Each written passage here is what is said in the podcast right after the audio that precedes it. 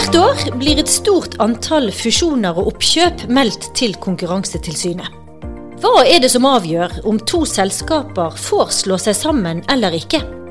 I Konkurransepodden får du høre hva slags vurderinger som ligger bak tilsynets avgjørelser. Du hører på Konkurransepodden, en podkast fra Konkurransetilsynet. Jeg heter Siri Løken og er kommunikasjonsrådgiver i tilsynet. I denne episoden skal det også handle om hvordan tilsynet vurderer avhjelpende tiltak i fusjonssaker. Og Vi skal innom noen mye omtalte saker den siste tiden, bl.a. DNBs planlagte oppkjøp av S-banken. Stort sett hver uke gjøres det oppkjøp og fusjoner i norsk næringsliv. Alle bedrifter over en viss størrelse har plikt til å melde fra til Konkurransetilsynet dersom de slår seg sammen med andre i en fusjon. De må også melde fra om oppkjøp eller avtaler som gjør at de får kontroll over andre selskaper. Noen fusjonssaker får ingen eller lite medieoppmerksomhet, mens andre vekker sterke følelser og reaksjoner. Storbanken DNB vil kjøpe den digitale banken S-banken for over 11 milliarder kroner. Konkurransetilsynet skal se på saka på vanlig måte, sier Kunder protesterer og truer med å skifte bank. DNB vil kjøpe S-banken. Vinmonopolet kan tape på at de store brennevinsprodusentene Arcus og Altia slår seg sammen. Det frykter Konkurransetilsynet, som nå vurderer å stanse den planlagte fusjonen. Tilsynet sier en sammenslåing vil kunne føre til redusert konkurranse. Så til Konkurransetilsynet, som vurderer å stoppe stoppe Bonnier Books sitt planlagte oppkjøp av Petter Stordalens forlag Strawberry Publishing. Tilsynet mener oppkjøpet vil kunne svekke konkurransen mellom forlagene og føre til dyrere bøker. Konkurransetilsynet mener Skipsteds oppkjøp av den nettbaserte bilauksjonssiden Nettbil ville svekke konkurransen i markedet. Nå har tilsynet fått medhold fra Konkurranseklagenemnda. Det eneste mulighet for Skipsted videre er å ta saken til rettssystemet. Ja, dette var hentet fra nyhetssendinger til NRK, TV 2 og P4 de siste månedene. Og Konkurransedirektør Lars Sørgaard, det er ofte svært omfattende og komplekse saksbehandlinger som ligger bak Konkurransetilsynets avgjørelser. Hva er det som er hovedformålet med Konkurransetilsynets fusjonskontroll? Hovedformålet er å sikre den fremtidige konkurransen. Hvis det er slik at vi kan sikre uavhengige selskaper som konkurrerer med hverandre, så vil det bety at vi kan få lave priser. Vi som forbrukere vi kan få et godt tilbud. Så det er forbrukerne som er i fokus her? Forbrukerne er helt sentralt. Det er helt avgjørende for å si ja til en fusjon at forbrukerne ikke kommer dårligere ut. Hvert år så blir det meldt om lag 100 fusjoner til oss i tilsynet. Og Hva er det som er gangen i behandlingen av en typisk fusjonssak? I en del saker så har vi kontakt med partene før de melder, altså såkalt prenotifikasjon. Så kommer det til melding, og da er det visse frister som gjelder. Vi har en såkalt fase 1, første vurdering. Det er 25 virkedager, altså fem uker. Da avgjør vi om vi skal se enda grundigere på det. Så går vi til fase 2. Hvis vi går hele veien og vurderer det et forbud, så kan det gå 100-130 dager. Altså snakk om et halvt års tid før du, eh, før du ender med et eventuelt vedtak så er det ofte svært omfattende og komplekse saksbehandlinger som ligger bak tilsynets avgjørelser. Hvor mye arbeid ligger det egentlig bak et vedtak i en fusjonssak? Det er svært krevende arbeid. Vi må eh, sette oss inn i markedet, vi må vurdere partene og hvor nære konkurrenter de er. Så hver gang vi har en stor sak som går hele veien, så setter vi opp et team som analyserer saken nøye. Hvor mange saker er det som får en rask avklaring?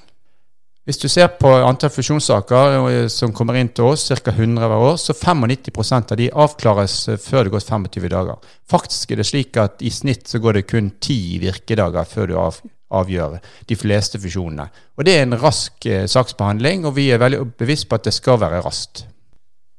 Du har vært inne på dette med forbrukerne. Hva kan en fusjon typisk gir negative konsekvenser for oss kunder. Det vi frykter er at fusjonen kan føre at vi i fremtiden må betale en høyere pris, og vi får eh, dårligere produktutvalg. Så vi ønsker da å vurdere om det er tilfellet, og da er det mange ulike typer fusjoner vi må se på. For det første, hvis det er slik at to som er konkurrenter slår seg sammen, så frykter vi at de avlyser konkurransen seg imellom. Og det kan gi ringvirkning for hele markedet, at det blir mindre konkurranse og høyere priser. For det andre så er vi opptatt av dette såkalt som utestenging. Hvis du kjøper opp en aktør som er aktiv på et annet ledd i verdikjeden, og har en kritisk innsatsfaktor f.eks., så kan det, det føre til at noen andre kan bli utestengt fra det. Og det òg kan føre til høyere priser på lang sikt. Så vi uh, ulike typer fusjoner har ulike typer si, bekymringer fra vår side. Vi hørte i nyhetsklippen i starten her at det ofte er stor interesse for fusjonssakene vi behandler. Kan du nevne et eksempel på et godt kjent oppkjøp eller fusjon som Konkurransetilsynet har sagt nei til? Ja, Da har jeg lyst til å nevne to saker. egentlig. Det ene er i fergemarkedet. Torghatten ønsket å kjøpe Fjord1. Eh, det var noen år tilbake. Og vi har òg en sak der Peppes Pizza ønsket å kjøpe Dolly Dimples. To saker eh, som har stor betydning for forbrukerne. Hva var avgjørende for å nekte oppkjøp i disse to tilfellene? Det helt sentrale i begge sakene var at de var nære konkurrenter. Vi oppfattet de som nære konkurrenter. Men analysen for å vise det var veldig forskjellig. Når det gjaldt den i fergemarkedet, så er det slik at det er anbud om å vinne fergeruter. Så vi sjekket nøye anbudsutlysninger de siste årene. Fant ut at Torgaten og Fjord 1 var nære konkurrenter og møttes veldig ofte. Når det gjaldt Peppes Pizza og Dolly Dimple, så var det en helt annen type tilnærming. Da spurte vi forbrukere gjennom en spørreundersøkelse om de så på de to eh, pizzarestaurantene som alternativer. Og svaret var ja, de var nære konkurrenter. Så i begge tilfeller var fokuset konkurransenærhet. I november i fjor nedla tilsynet forbud mot at Finn skulle få kjøpe nettbil. Og Den saken ble påklaget, og eh, nylig så har Konkurranseklagenemnda kommet med vedtaket sitt, der de opprettholder tilsynets forbud. Hva er det viktigste du leser ut av den beslutningen fra nemnda? Det er særlig to forhold jeg vil trekke frem. For det første, det gjelder dette med inngrepsgrunnlag. Her er det en stor aktør som kjøper en relativt liten aktør, Finn som kjøper eh, nettbil. Da er spørsmålet om er det tilstrekkelig grunnlag for å gripe inn når det er en så liten eh, aktør som blir kjøpt opp. Og eh, vi mente ja, og vi registrerer at eh, nemnda er helt enig med oss at det er inngrepsgrunnlag selv med slike små eh, aktører som kjøpes opp. Og det er veldig interessant i nå dette diskusjon, diskusjonen rundt digitale markeder. For her er det snakk om killer acquisition dog, i digitale markeder. Eh, er det slik at vi kan gripe inn mot små oppkjøp, og i dette illustrerer at vi kan det, ja. For det andre så viser eh, nemndas beslutning hvilke momenter, eller moment som er viktige. Det er konkurransenærhet. Er disse to nære konkurrenter det sentrale? Eh, Faktisk er det slik at markedsavgrensning ikke er så viktig. Markedsavgrensning går på hvem som konkurrerer med hvem, altså definerer hvilke produkter som er i det relevante marked. Det, der er faktisk nemnda uenig med oss. men likevel så kommer de til akkurat samme konklusjon når det gjelder konkurransenærhet, som illustrerer at konkurransenærhet er det sentrale.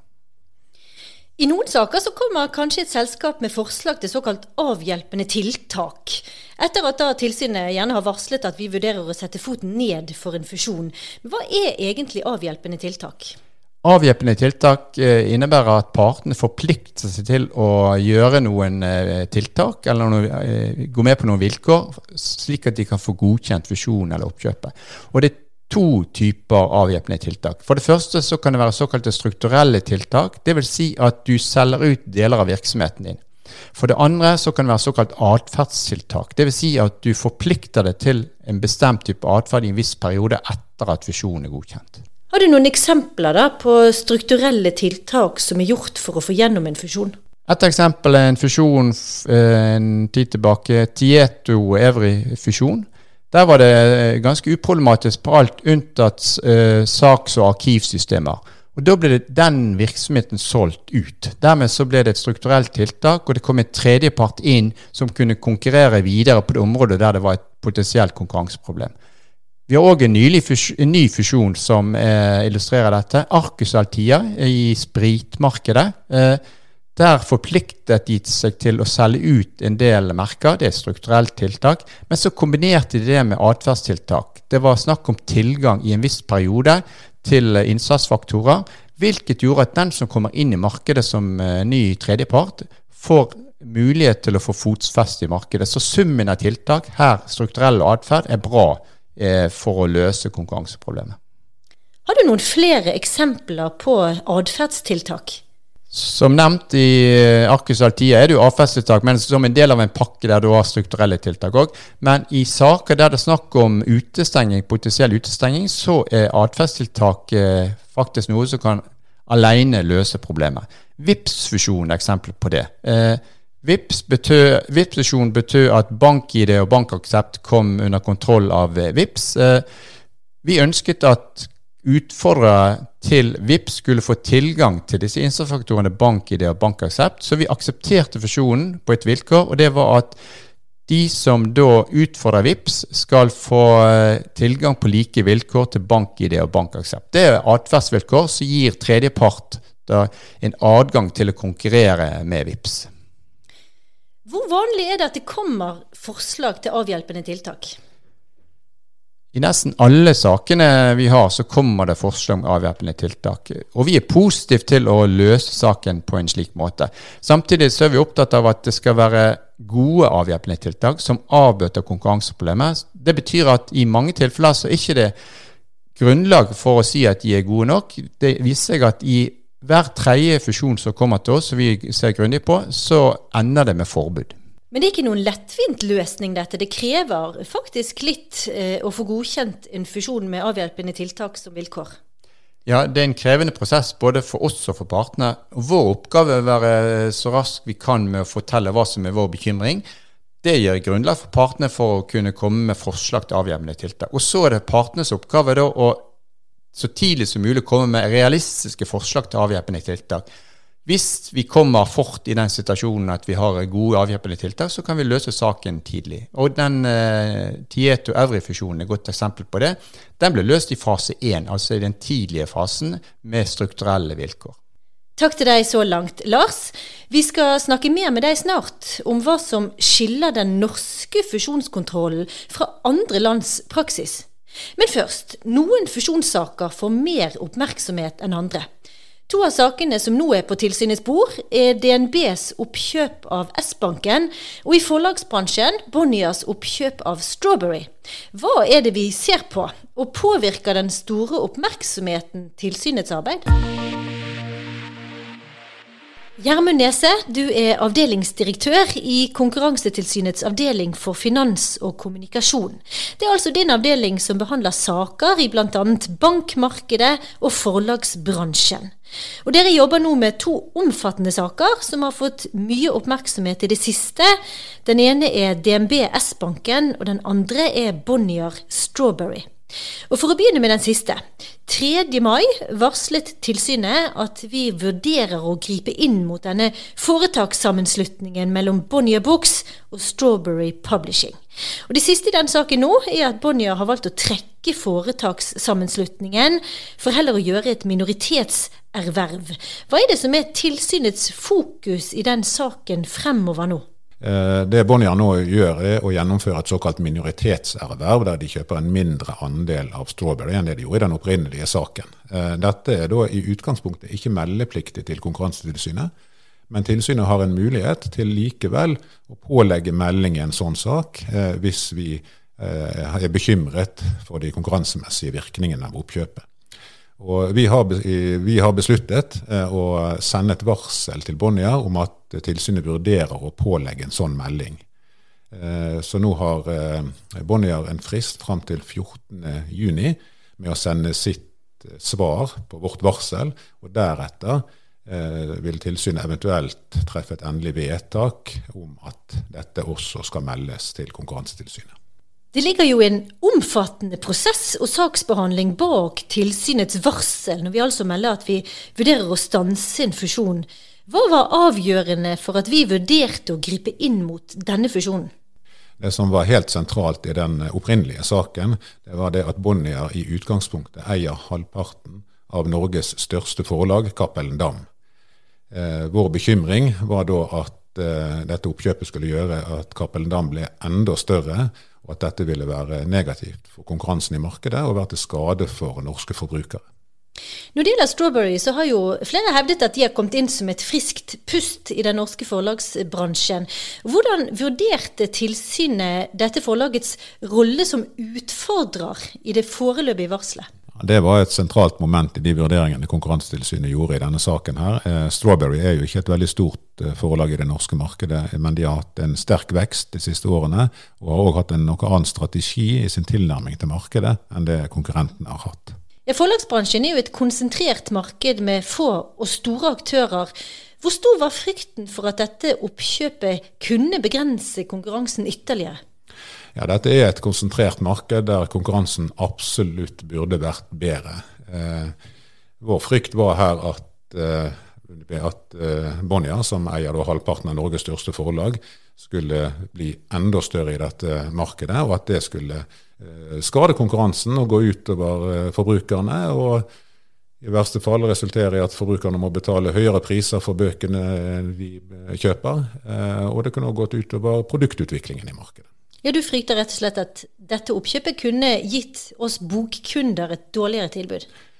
Ja, velfungerende konkurranse det er helt avgjørende for at vi som forbrukere skal ha tilgang til eh, best mulig produkter og tjenester til lavest mulig pris. Og Vår frykt var at eh, dette oppkjøpet ville kunne føre til at eh, prisene på bøker ble høyere enn de ellers ville vært, og at produktutviklingen i markedet ville reduseres. Nå har altså Bonnier trukket foretakssammenslutningen for heller å gjøre et minoritetserverv. Og hva er det som da er gangen i tilsynets saksbehandling fremover nå? Ja, Dersom vi nå ender med å pålegge melding i, av dette oppkjøpet òg, så starter de eh, vanlige saksbehandlingsfristene på nytt. Eh, og Det betyr det at fra det øyeblikket melding da eventuelt blir levert, så har tilsynet i første omgang en periode på 25 virkedager til å ta foreløpig stilling til eh, de konkurransemessige virkningene av oppkjøpet. Over til en sak som har skapt et ganske så stort engasjement. 15. april i år ble det klart at Norges største bank, DNB, vil kjøpe S-banken. Og Det har vekket mange negative reaksjoner fra særlig mange S-banken-kunder. Dette er altså Norges første digitalbank, som hadde sin oppstart her i Bergen for 21 år siden. DNB og S-banken har jo av flere blitt omtalt som David og Goliat. Hvor i prosessen er denne saken nå? I denne saken så er saksbehandlingen godt i gang. Vi mottok endelig melding den 20. mai. Eh, og da er prosessen som man alltid er i fusjonssaker, at da har Konkurransetilsynet i første omgang en eh, periode på 25 virkedager på å ta foreløpig stilling til saken. Så det betyr at vi innen den 24. juni må gjøre oss opp en mening om det er grunn til å være bekymret for dette her, eller om, eh, om, eh, oppkjøpet kan klareres. Ja, Det er jo mange som venter spent på den avklaringen. Men hva slags mulige konsekvenser for konkurransen er det tilsynet ser på i denne typen saker? Eh, Konkurransetilsynet sin oppgave er å vurdere om konkurransen i markedet blir skadelidende som følge av oppkjøpet. I en sak som dette så er det da grunn til å vurdere om, om det er sånn at Eh, boliglånsrentene vil øke, om det blir høyere gebyrer knyttet til banktjenester, om det blir eh, høyere gebyrer knyttet til fondssparing f.eks., eh, som følge av oppkjøpet. Og Dersom vi kommer til at dette er mulige konsekvenser, så har vi altså en mulighet til å stoppe oppkjøpet. Så hva som er forbrukernes beste, blir en stor del av vurderingen her? Ja, det er helt riktig. Det er alltid det som ligger til grunn for de analysene og vurderingene Konkurransetilsynet gjør. Eh, konkurranse er til for forbrukernes beste. og eh, Dersom det gir negative utslag, så er det altså en mulighet for Konkurransetilsynet å stoppe oppkjøp. Så lenge saken er under behandling, så kan jo ikke du uttale deg mer konkret om, om selve dette oppkjøpet. Men det at saker får mye oppmerksomhet, og at mange tar kontakt med tilsynet, både media og vanlige kunder. Kan det på noen som helst måte påvirke tilsynets eh, behandling? Det er veldig hyggelig først og fremst at uh, folk der ute bryr seg om Konkurransetilsynet og det arbeidet vi gjør. Det er utelukkende positivt. Uh, når det er sagt, så har det si, selvsagt ingen betydning for de vurderingene vi gjør, men vi er veldig interessert i å få innspill fra, fra alle aktører i, i, markedet. vi, Og vi tar det med oss i de vurderingene vi gjør. Men, men graden av engasjement påvirker ikke utfallet av en sak, naturlig nok. Takk skal du ha, Gjermund Nese, avdelingsdirektør i Konkurransetilsynets avdeling for finans og kommunikasjon. Vi skal snart ha Konkurransenytt fra verden, og denne gangen skal det handle om Googles oppkjøp av teknologiselskapet Fitbit. Men først, Skiller Norges fusjonskontroll seg fra hvordan andre land behandler fusjoner og oppkjøp? Den norske fusjonskontrollen ble innført i 1988. Frem til det kunne ikke konkurransemyndighetene gripe inn mot fusjoner, selv om eh, de ville begrense konkurransen. Først i 2004, da Norge fikk ny konkurranselov, ble det innført meldeplikt og forbud mot å sette i gang en fusjon uten godkjenning. Og Konkurransedirektør Lars eh, Sørgaard, vi har hørt hva som er gangen i fusjonskontrollen til Konkurransetilsynet i dag. Men hvis vi ser utenfor Norges grenser, hvordan skiller Norges fusjonskontroll seg fra f.eks. de nordiske landene? Norge var veldig forskjellig fra de andre nordiske land, og for så vidt fra alle andre land. Vi var et slags annerledesland helt frem til 2016. I 2016 så endret vi regelverket og, og harmoniserte med EU. Det sentrale og kanskje viktigste var da at uh, vi gikk over til en såkalt forbrukervelferdsstandard. Det betyr at uh, det helt avgjørende for om vi sier ja eller nei til fusjon, er om forbrukerne kommer bedre ut. Uh, de har på en måte vetorett, forbrukerne. at Hvis de kommer dårligere ut, så har, kan vi ha grunnlag for å gripe inn.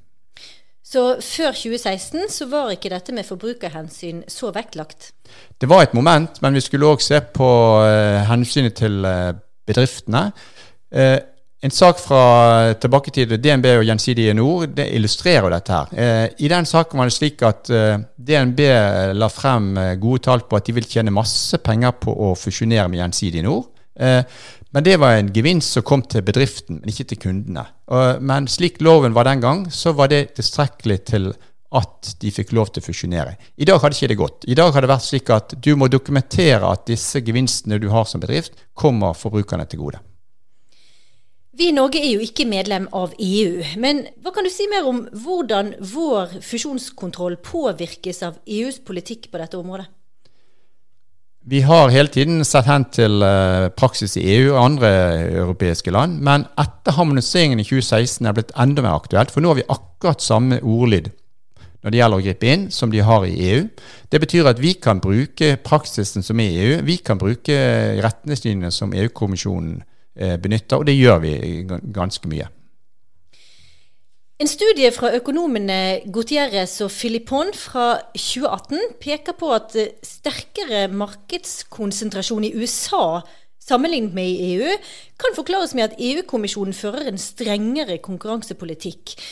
Du har jo også som professor i samfunnsøkonomi ved NHH fulgt utviklingen i USA tett i lang tid. Hvordan har fusjonskontrollen der utviklet seg de siste tiårene? Det har gått veldig i bølger. Hvis du ser tilbake på 60- og 70-tallet, så var det ganske aktiv eh, fusjonskontroll i, i USA. De grep inn eh, ganske ofte. Utover på 80-tallet så ble det eh, mye slappere, det ble mye færre inngrep. Nå i ettertid ser vi konsekvensene av nettopp det. Vi ser at den såkalte konsentrasjonen, altså antall bedrifter i markedet, har gått Konsentrasjonen har økt, dvs. Si antall bedrifter i markedet har gått ned. Det har ført til at uh, forbrukerne må betale mer. Det har ført til en dårligere produktutvikling. Så de langsiktige virkningene av å, å uh, ikke ha en streng fusjonskontroll kommer veldig tydelig frem i USA. Men hva med oss i Norge? Har vi en streng fusjonskontroll? Hvis vi ser for perioden fra 2004, da vi fikk ny eh, konkurranselov, så har vi grepet inn mot 47 fusjoner og oppkjøp. Og i én av tre tilfeller er det slik at vi har forbudt visjonene. Dette er relativt uvanlig i internasjonal sammenheng. Hvis du går til Frankrike f.eks., så er det kun lagt ned et forbud mot visjon i ett tilfelle. Så hvis du ser på forbud som sådan, så har vi et større antall enn de fleste andre land vi kan sammenligne oss med. Dette kan se ut som om vi har en uh, strengere praksis enn andre, men det er ikke nødvendigvis riktig. Uh, hvis vi ser den fusjonen Arcus Altia som eksempel, den var òg eh, meldt i Sverige og Finland, så er det slik at vi kom ut omtrent likt med de når det gjelder vilkår som ble satt. Så det viser at vi har samme tilnærming. Og vi bruker kommisjonens praksis veldig ofte. Dermed så følger vi kommisjonens praksis. Det har jo vært hevdet av enkelte tidligere at vi i Norge er for streng og sier nei til for mange fusjoner. Hva slags vurderinger og evaluering gjøres av dagens norske praksis? Det er veldig krevende å eh, gjøre vurderinger av, eh, av praksis. Vi har en eh, studie der vi har gått inn og sett på bruken av såkalt avhjelpende tiltak, særlig strukturelle tiltak. Og det vi finner da, er at Vår praksis er langt på vei eh, i, tråd med det vi finner i EU og USA. Altså Det gjelder hvor vellykket det er når det gjelder eh, å, pålegge såkalte strukturelle tiltak. Så har vi eh, noen eksempler på at det å gripe inn kan ha stor betydning. Altså Den fusjonen mellom Torgaten og Fjord 1 som var planlagt, den ble annullert.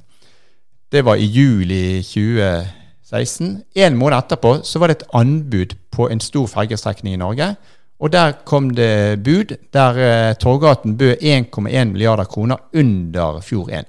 Hvis de to hadde fått lov til å fusjonere, så er det ingen grunn til å tro at det var to ulike bud. Det har blitt ett bud, sannsynligvis det høyeste budet.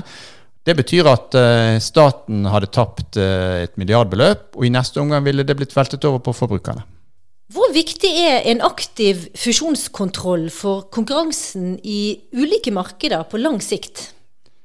Som nevnt, vi har en ganske aktiv fusjonskontroll i Norge, men samtidig ringvirkningene av det er mye viktigere enn en akkurat den aktive fusjonskontrollen. Det vi ser, er at eh, når vi er aktive og signaliserer at vi kan gripe inn, så vil det påvirke bedriftene. Det er mange eksempler at bedrifter skrinlegger fusjon og oppkjøp eh, som er konkurranseskadelige, fordi de er redd for at de ikke vil få godkjent av konkurransemyndighetene. Faktisk er det slik at for hver fusjon eh, som vi griper inn mot, så er det og anslagsvis fire fusjoner som blir skrinlagt eller modifisert eh, av bedriften eller av deres konkurranserettsadvokat. Det betyr at eh, vi ser bare toppen i isfjellet. Eh, dermed betyr det at det har stor betydning for norsk økonomi at vi har en aktiv fusjonskontroll. Både direkte griper inn, men ikke minst at det påvirker aktørene. At de etterlever reglene. Så eh, en aktiv fusjonskontroll det er rett og slett bra for oss forbrukere? Ja, på en måte er det veldig forebyggende. Det hindrer fremtidig konkurranseskade, fordi det hindrer at noen konkurranseskadelige fusjoner i det hele tatt blir eh, foreslått av bedriftene. Takk til deg, konkurransedirektør Lars Sørgaard. Vi skal ha Konkurransenytt fra verden, der det i dag skal handle om Google. Vi skal holde oss til kategorien fusjoner og oppkjøp. I november 2019 ble det kjent at Google kjøpte Fitbit for 2,1 milliarder dollar. Fitbit er et amerikansk teknologiselskap, bl.a. kjent for sine smartklokker og aktivitetsmålere. Og økonom her i Konkurransetilsynet, Magnus Friis Reitan, hva mer kan du si om Fitbit? Hva slags selskap er dette? Som du sier, så er det et uh, teknologiselskap. Uh, de har sete i uh, San Francisco, og siden 2007 så har de holdt på med å selge den typen smartklokker og andre dingser som måler ting på kroppen din. de har en 5-10 markedsandel innen smartklokker på verdensbasis. Hvorfor er dataene som samles inn via f.eks. smartklokker, så viktig i konkurransen om online-kundene? Vi har jo snakket om uh, Google tidligere, og, uh, og uh, Google f.eks. bruker data for å målrette reklame. så jo mer disse selskapene vet om deg, jo mer data de har på deg, jo bedre kan de målrette reklame mot deg. Eh, så eksempel da, de eh, dataene som det er snakk om her, eh, som er helsedata altså Disse Fitbit-smartklokkene de måler jo sånne ting som puls, hvor langt du går, med hvordan du sover, alt mulig, egentlig. Og den type data den kan jo da Google bruke til å målrette relevant reklame til deg. Så eksempel hvis Fitbit-klokken din viser at du sover dårlig, så kan eh, Google eh, gi deg eh, reklame for sovemidler eller madrasser eller hva det måtte være, for at du skal få sove bedre. For dette, da skjønner de at du er interessert i det, siden du, du sover dårlig. Men det er en viss diskusjon om hvor viktig sånn rettet markedsføring og å selge sånn helsedata er for reklame. da. Det er en, det er en diskusjon som pågår. EU var altså bekymret for dette oppkjøpet eh, og satte i gang en granskning. og Blant annet så var de da bekymret for at Google ville fått enda større forsprang på konkurrentene innen reklame. Google vet allerede veldig mye om oss, og de eh, har allerede kanskje de aller mest skreddersydde reklamene eh, på nett. De har i noen segmenter, f.eks. søkeresultatreklame, så har de oppe i 90 eh, til 100% markedsandel. Kommisjonen var redd for at med disse helsedataene fra Fitbit, f.eks. om hvordan du sover, med, så kommer Google sitt forsprang til å bli enda større. De var altså bekymret, men hva ble løsningen her? Den var rett og slett at Google ikke får lov til å bruke Fitbit sine helsedata om eh, brukerne eh, til reklame. Så de får ikke lov til å bruke de helsedataene til å skreddersy reklamen enda bedre. Så det er jo flere skadehypoteser. De var også redd for at uh, tilbydere av uh, digitale helsetjenester og helseapper at de skulle uh, miste tilgangen til Fitbit sine helsedata. For tidligere så har sånne helsetjenester kunnet bruke informasjon om sine kunder som kundene får fra sånne Fitbit smartklokker. Det var man redd for at Google ikke skulle gi tilgang til lenger. Løsningen der var rett og slett å eh, kreve at Google skulle fortsette å gi tilgang til de dataene til eh, digitale helsetjenester. Og Så var det et spørsmål til som gjaldt eh, hvorvidt brukere av Android-telefoner skulle kunne bruke andre smartklokker enn Fitbit, da, dersom dette oppkjøpet gikk gjennom.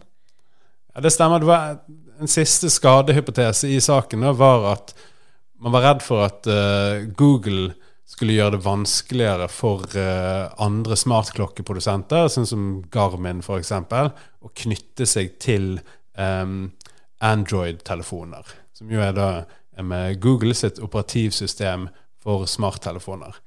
Og så her ble det en løsning. Det ble en løsning. De uh, påla Google å ikke gjøre den tilgangen vanskeligere, uh, og med ganske detaljerte tilgangsvilkår for de Eh, hva de ikke kunne gjøre, og hva de måtte gjøre for at eh, andre smartklokker skulle fortsette å fungere sømløst med Android-telefoner. Men du, EU har jo lenge vært bekymret for Googles markedsmakt eh, i forbindelse med ulike saker. Fins det noen likhetstrekk mellom Fitbit-saken og de andre sakene EU har hatt mot Google? Ja, altså Google har f.eks. tre vedtak om misbruk av dominerende stilling mot seg. Eh, og denne saken ligner på uh, i hvert fall to av de sakene. Uh, du har shoppingsaken fra 2017 om at Google favoriserer sine egne reklamer fremfor andre reklamer på nett. og så har du det som heter Android-saken, rett og slett, som også handler om Android og viktigheten av Android for andre tilbydere. I den saken så gjelder det andre søketjenester enn en Google. Så det er, mange, det er, mange, berøringspunkter her. Og nå, bare denne uken så fikk, uh, fikk jo òg Google to milliarder kroner i bot fra det franske konkurransetilsynet, eh, også for noe som, som handlet om reklame. Hvor viktig har EUs avgjørelse i Fitbit-saken vært rent prinsipielt for Google, tenker du? Jeg tror det er hyggelig for dem å se at uh, Ehm, det ikke er noe blankoforbud uh, for disse teknologiselskapene til å, til å, kjøpe opp andre selskaper, selv om det, det siste, i det helt i det siste har vært veldig mye negativ oppmerksomhet eh, innen konkurransepolitikken om, om, de digitale store plattformene. Da. Uh, men altså ikke noe, ikke noe blankoforbud, sånn som noen lovgivere i USA f.eks. Uh, tar til orde for. samtidig så er at kommisjonen godkjente dette oppkjøpet, riktignok med avhjelpende tiltak, det er veldig kontroversielt, og det er en debatt som fremdeles pågår om det var en god idé i det hele tatt. Uh, og samtidig så fortsetter selvfølgelig disse her, sakene om misbruk av dominerende stilling mot Google også. Så, så, alt er ikke greit for Google med tanke på EU-kommisjonen ennå. Takk skal du ha, økonom her i Konkurransetilsynet, Magnus Friis Reitan. Det var det vi hadde i denne episoden av Konkurransepodden. Du finner flere nyheter fra Konkurransetilsynet på nettsidene våre. Der kan du også melde deg på vårt nyhetsvarsel. Følg oss gjerne også på sosiale medier, Facebook, LinkedIn og Twitter.